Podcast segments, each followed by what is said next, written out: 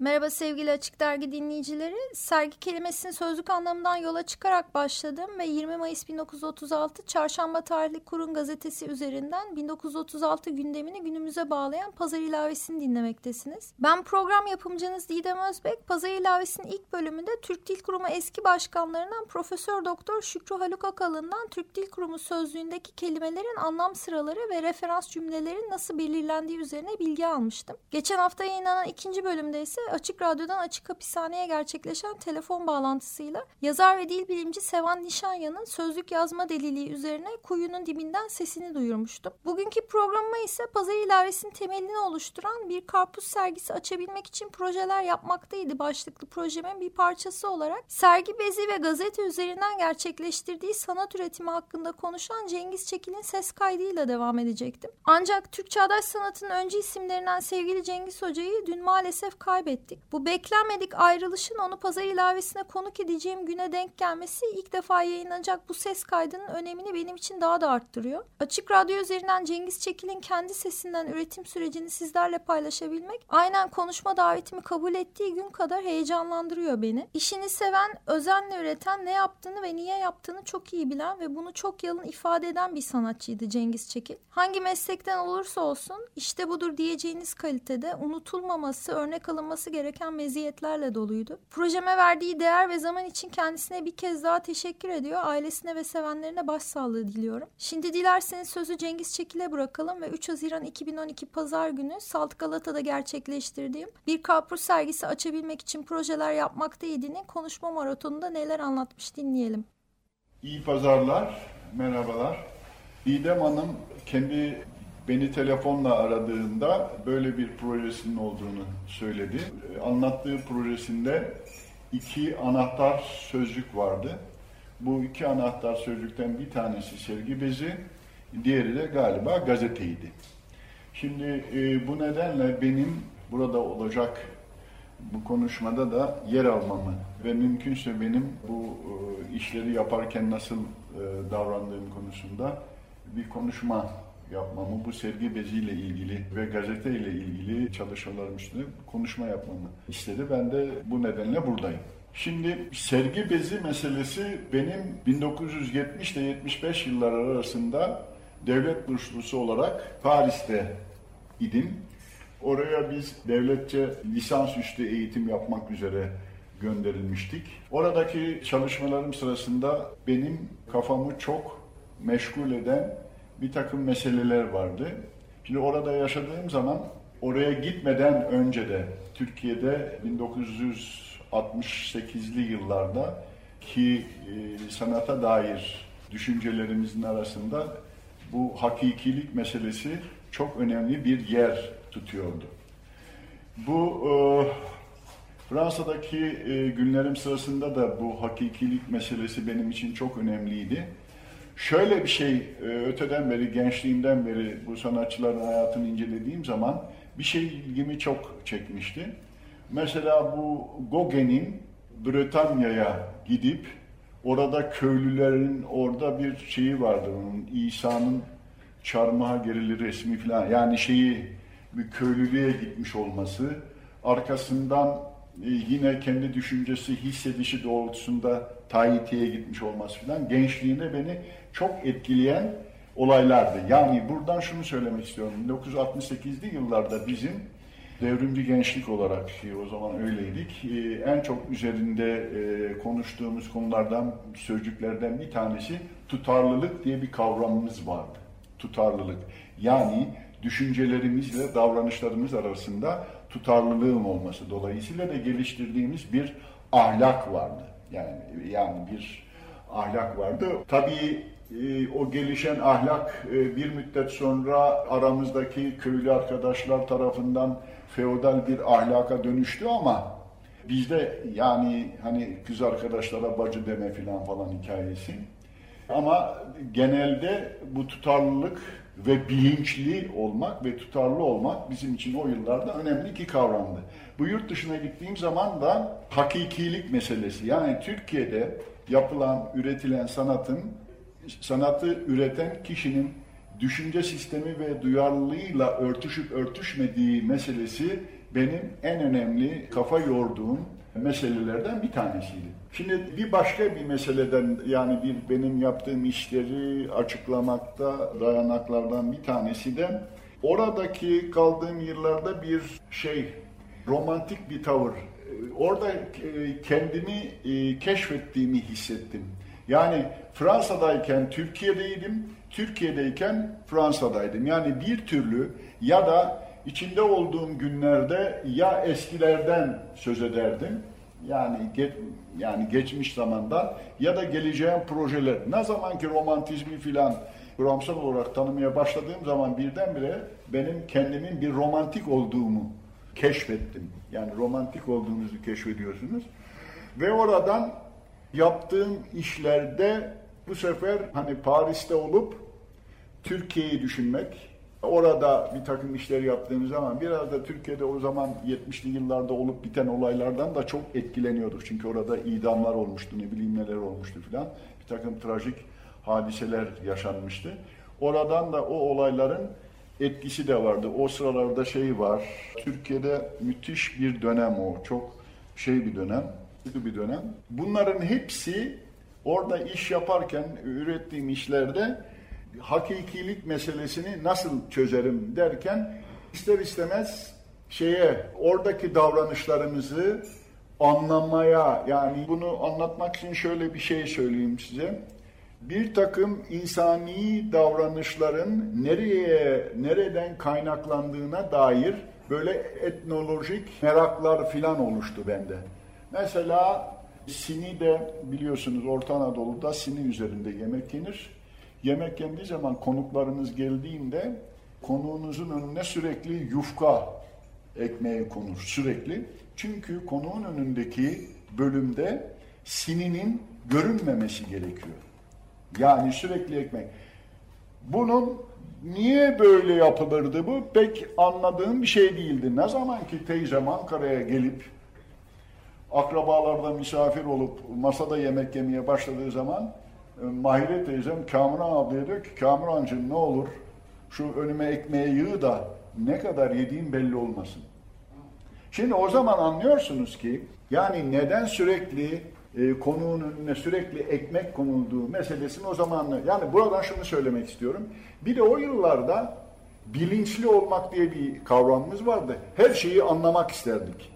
İlhan Selçukların, Çetin Altanların filan 68'lerdeki köşelerinde sürekli e, toplumsal tahliller yapılırdı. Hem kendi aramızda tahliller yapıyorduk filan falan. Yani bir şeyin anlamaya çalışmak, analiz etmek gibi, işin aslını anlamak gibi bir şeyimiz vardı. Bir geliştirdiğimiz bir tavrımız. Tabii bu tavır oraya gidince de yaptığım işlerde de oradan yola çıkarak bu sergi enstelasyonlar yapınca orada e, bezi kullanmak istedim. Çünkü bez bizim oralarda üzüm kuruturken, üzüm filan kuruturken üzümün altına şey sererler, bez sererler. Üzüm kirlenmesin diye. Ve bu bezin adı sergi bezidir. Ve bu bu laf çok hoşuma gitti. Yani orada çok hoşuma gitti. Çünkü bez orada bir şey yapıyordu. Bir, üzümün temiz kalmasını sağlıyor. İkinci, serme yani etimolojik olarak düşündüğünüz zaman da ekspoz, ekspozeden çok farklı bir şey. Yani Fransızca'daki ekspozisyon teşhir değil mi Ali? Teşhir yani kökü. Oysa e, bizim sergi ise sermekten sunma. Ser, sermek, sunma. Yani Fransız ekspozisyon sunma. Sunma. E, bizdeki serme. Dolayısıyla enstalasyona yaptığımız yaptığım yerleştirmelerde bu serme meselesi çok şey geldi, iyi geldi bana. Ve e, bir de tabii şöyle bir şey var, bir romantik romantizme onun için altını çizmek istedim. İçinde yaşadığımız ortamı kirli görme yani şey olarak yani reel kirlilikten söz etmiyorum. Yani kirliliğe göndermesi. Şimdi o bezi serdiğiniz zaman sergilendiği ortamdan işinizi koparıyor. Yani o kirden, pastan kurtarıyor. Bir de o e, konvansiyonel resimde kullandığımız paspartu gibi kendisine alan açıyor. Bezi yere serdiğiniz zaman. Dolayısıyla o sergi bezi meselesi beni çok O zaman çok hoşuma gitmişti. Bir de şey yapıyor o. İşin altına koyduğunuz zaman o yerin kirinden, pasından korumanın ötesinde bir de işi böyle şey yapıyor. Yerden koparıyor. Ona bir kutsallık, bir şey katıyor. Bir fizik ötesi bir şey katıyor. Onu şey yapıyor, havaya kaldırıyor. Yani o, o bakımdan bezin e, işlerin altında olmasını o bakımdan çok istedim ve birçok işimde ya işte ilk kullandığım iş de budur. Burada kullandım. Tabii burada bu e, bu işin adı şey e, La Resistance à la mémoire d'un somyan mort yani ölmüş bir ölü bir somyanın anısına rezistans. Ki o sıralarda bu Fransızca, Fransızların bu İkinci Dünya Harbi'ndeki rezistans olayı var ya, bu sivil direniş Nazilere karşı. O rezistans sözcüğü çok hoşuma gidiyordu ki Türkiye'de de o zaman işte biz hani o 68'liler de bir rezistans, bizde bir rezistans şeyimiz vardı ya. Anti-emperyalist ne bileyim ne filan falan oradan bir yani oralardan şey olma, e, özdeşleşme bu rezistans.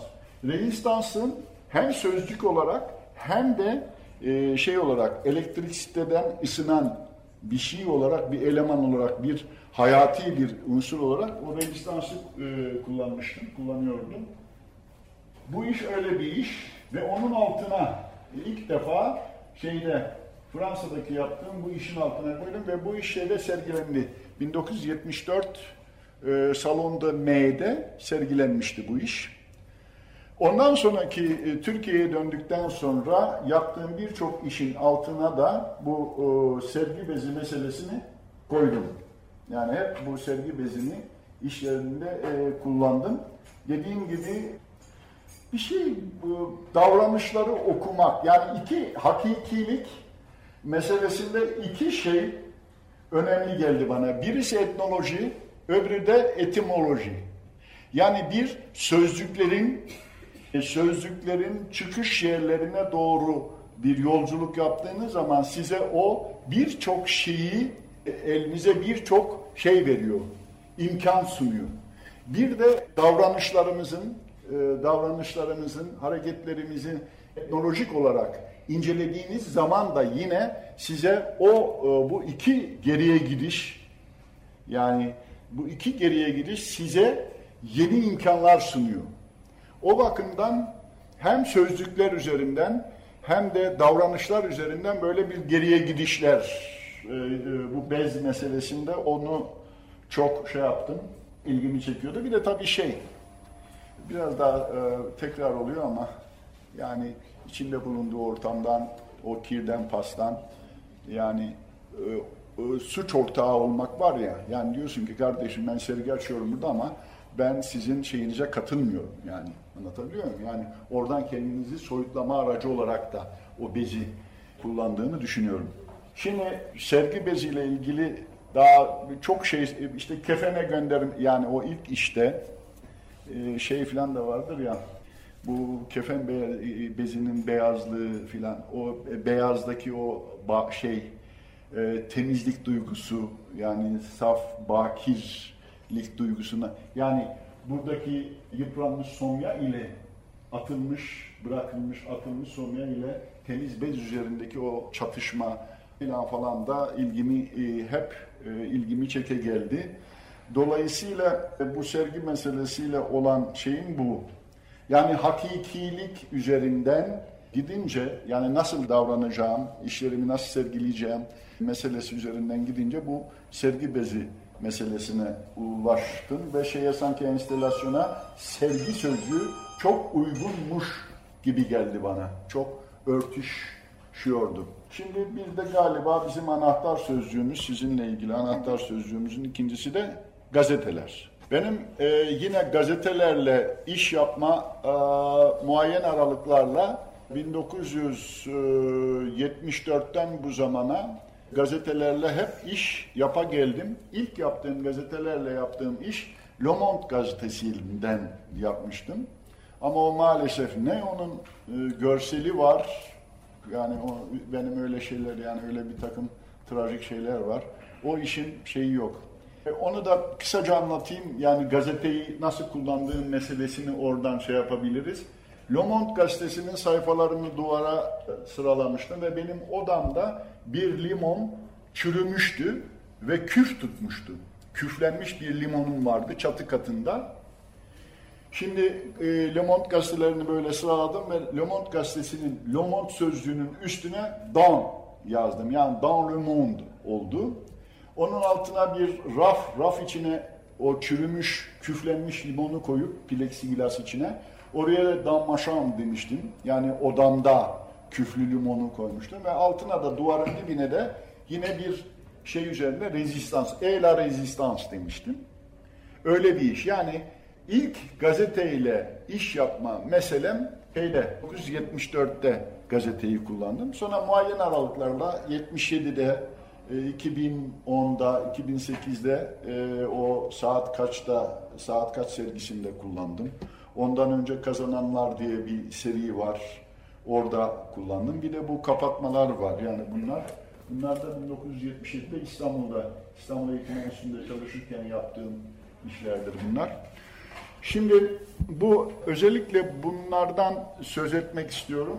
Çünkü bu o yıllarda Şimdi biz hani dedim ya ben biraz biraz değil ben şeyden sosyalist bir geçmişim var. Oradan gelen biriyim. Dolayısıyla da hep şeyi sosyalizm ve sanat filan meselelerine çok 68'li yıllarda çok kafa yorduğumuz meselelerden biri.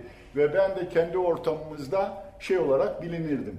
Hani yani solcu, sosyalist olarak bilinen bir adamım.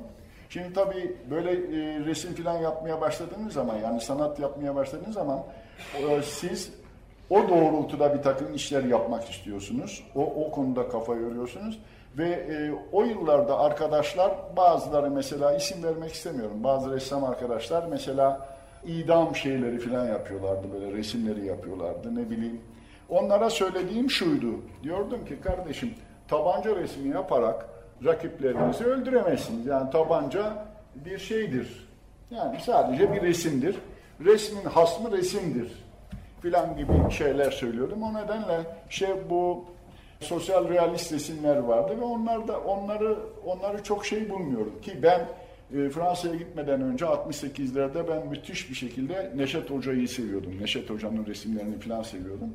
Fakat Oradan döndükten sonra tabii başka türlü düşünmeye başladım ve arka, oradan bu sosyal realist resimlere karşı duruşumun bir şeyi olarak bu gazeteleri, gazetelerdeki yazıları kapattığınız zaman size müthiş bir okuma düzlemi çıkıyor şeylerden, görüntülerden. O zaman dedim ki işte gazetelerin yazılarını kapatırsanız ortaya çıkan resimler size müthiş bir şekilde sosyal realist bir şey sunuyor yani seyirlik sunuyor, bir okuma düzlemi sunuyor. Yani öyle bir oradan hareketle e, bu çalışmaları yapmıştım. Bunlardan 12-13 tane yaptım o zamanlar. Hatta e, Genç Sanatçılar Yarışması diye bir, bir sergi vardı. E, şeyde Osman Bey'de bir yerde açılmıştı. Orada bunlardan bir tanesini orada sergilemiştim. Sene 77 olabilir o yıllarda sergilemiştim. Gazet yani gazeteleri Şimdi gazete bana oldum olası çok hem nesne olarak yani gazetenin malzemesi o kağıt nesne olarak kağıt olarak müthiş imkanlar sunan bir şey. Yani kendisi reel varlığıyla da çok e, kışkırtıcı bir malzeme. Çünkü şey şimdi tabii birçok şeyden söz etmem gerekiyor. Bir de e, tüketim karşıtı bir tutumumuz falan da vardı ya bu 70'li yıllarda atılmış malzemeyi kullanmak, tüketime karşı olmak filan gibi bir tavrın ürünü olarak da atılmış malzemeyi kullanmak yani e, gazetenin öyle bir şeyi de var. Yani atılmış bir malzemenin yeniden kullanılması ve böylece de tüketim karşıtı bir tavrı da sergiliyor olmak için kullandığım, seçtiğim malzemelerden biri. Ama gazetenin Sadece bu bu yanıyla birlikte biliyorsunuz müthiş bir ideolojik aygıttır. Yani sistemin çok akıllıca kullandığı, bizleri yönlendirmek, şartlandırmak konusunda kullandığı araçlardan biridir gazete e, ideolojik olarak. O nedenle de çok ilgimi çeken, müdahale etme gereği duyduğum ya da onları kullanmak istediğim araçlardan e, bir malzeme. Yani gazeteyi iş olarak işlerimde kullanmamın nedenleri de bunlar. Yani bu nedenle gazeteleri kullandım. Bir başka bir şeyi daha var gazetelerin. Çok şey yani her gün elimizin altında oluyor olması şeyle bu süreçle ilgili sizi müthiş bir şekilde şey yapıyor. Yani nasıl söyleyeyim? Çok ritmik geliyor bana. Gazetenin her gün evinize gazetenin geliyor olması, bir gazeteyi bir ya da birden başka, birden fazla gazeteyi her gün okuyor olmanız, her gün onunla e, beraber olmanız, gazete sanki bir bir ritüelin aracıymış gibi de duruyor. Yani öyle bir şeyi de var gazetenin. O bakımdan nedense gazeteler hep ilgilendiğim, müdahale etmek istediğim, çalışmak istediğim araçlar. Yani bir yanıyla hem görüntülerinden kendi işlerim doğrultusunda kullanıyorum, hem görüntülerine ne karşı görüntülerini kullanıp onu onu manipüle edip görüntüyü görüntüye karşı tutuyorum. Yani gazetenin bizi yönlendiren, şekillendiren şeyi var ya, ideolojik şeyi, tavrı, onu tekrar kendisine ne diyoruz hani bir şeyi atıyorlar da dönüp geriye geliyor hani ha onu onun gibi gazeteyi kendisini kendisi yani bir tür neyse hani 68'lerden kalmış bir laf söyleyeyim bir tür gerilla şeyi hani gerillacılar da öyle olur ya şeyin askerlerin silahını alır onlarla falan falan o hikaye yani böyle şeyler işte eee yani sanıyorum çok nedeni var gazete kullanmanın. Yani o kadar zengin bir malzeme ki görüntüsüyle, yazılarıyla, malzemenin kendisiyle, onun etrafındaki dönen günümüzü düşünün. Gazetelerdeki bugünlerde gazetenin nasıl bir şey olduğunu biraz düşünürsek gazetenin ne kadar da önemli bir sanat nesnesi, e, ideolojik aygıt olduğunu, nesne olduğunu çok kolaylıkla anlarız. O nedenle de e, işlerinde ben gazete kullandım yani. Ben masumum. Yani şey, şey yani öyle şeyler. Ya biraz daha konuşursam galiba hep tekrara düşeceğim. Bilmiyorum galiba oldu. Ne dersiniz Didem Hanım? Yeterli mi? Yeterli mi? Oldu mu yani bilmiyorum. Sorularınız varsa lütfen. Hay Allah. Benim öğrencilerimden bir tanesi bana bir gün şey dedi. Sizden nefret ediyorum dedi. Ne oldu dedim. E, yahu dedi e, ne olur dedi sorduğum sorulardan bir tanesine cevap vermeyin dedi. Şimdi öğrencilerin en büyük keyfi odur ya hani hocayı köşeye sıkıştırmak gibi. Ne kadar soru sorduysan dedi hep bir cevabınız oldu dedi. Hocam çok mu e, ayrıntılı anlattım anlattıklarımı? E, soru gelmediğine göre teşekkür ederim. Duyduğunuz gibi Cengiz Hoca konuşmasının sonunda bana oldu mu Didem Hanım diye soruyor. Sizi dinlemek her zamanki gibi çok keyifliydi ama bugün yaptığınız hiç olmadı Cengiz Hoca diyebilmek çok isterdim kendisine. Saat kaç ya da bugün de yaşıyorum derken hep kulaklarınızı çınlatacağız. Ben Didem Özbek, Pazar ilavesinin geçmiş bölümlerini Açık Radyo.com.tr'den gelecek bölüm içeriğinde Pazar ilavesi Twitter adresinden sizlerle paylaşmaya devam edeceğim. Herkese ertelemeden üretmeye ve yaşamaya devam edeceği sağlıklı günler diliyorum.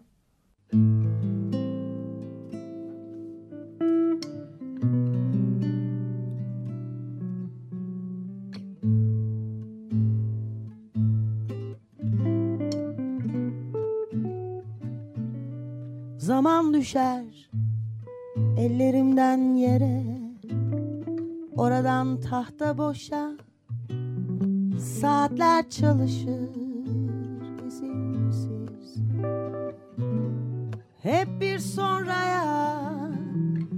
Resimler sarı Güneşsizlikten Duygular değişir. Dostlar dağılır dört bir yana Kendi yollarına.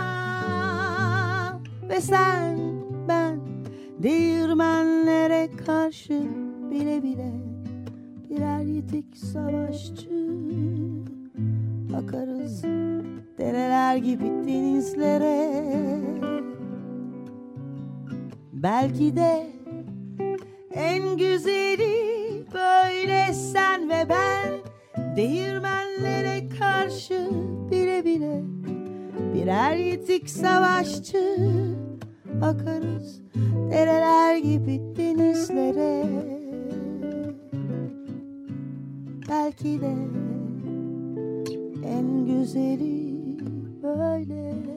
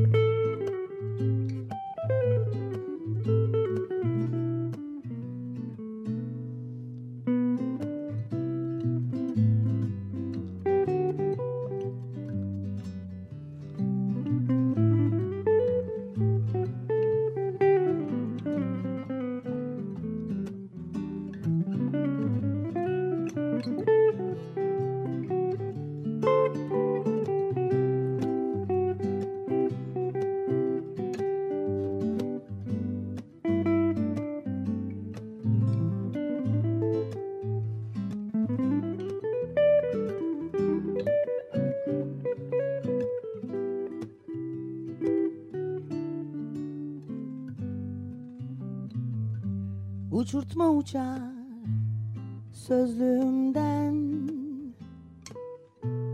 Geri gelmeyecek bir kuş Yaşanmamış kırıntılar. Sadece bir düş Zaman düşer ellerimden yere Oradan tahta boşa Saatler çalışır izsiz Hep bir sonraya ve sen ben Değirmenlere karşı bile bile Birer yitik savaşçı Akarız. Dereler gibi denizlere. Belki de ve ben değirmenlere karşı bile bile birer yitik savaşçı akarız dereler gibi denizlere. Belki de en güzeli böyle. Belki de en güzeli belki belki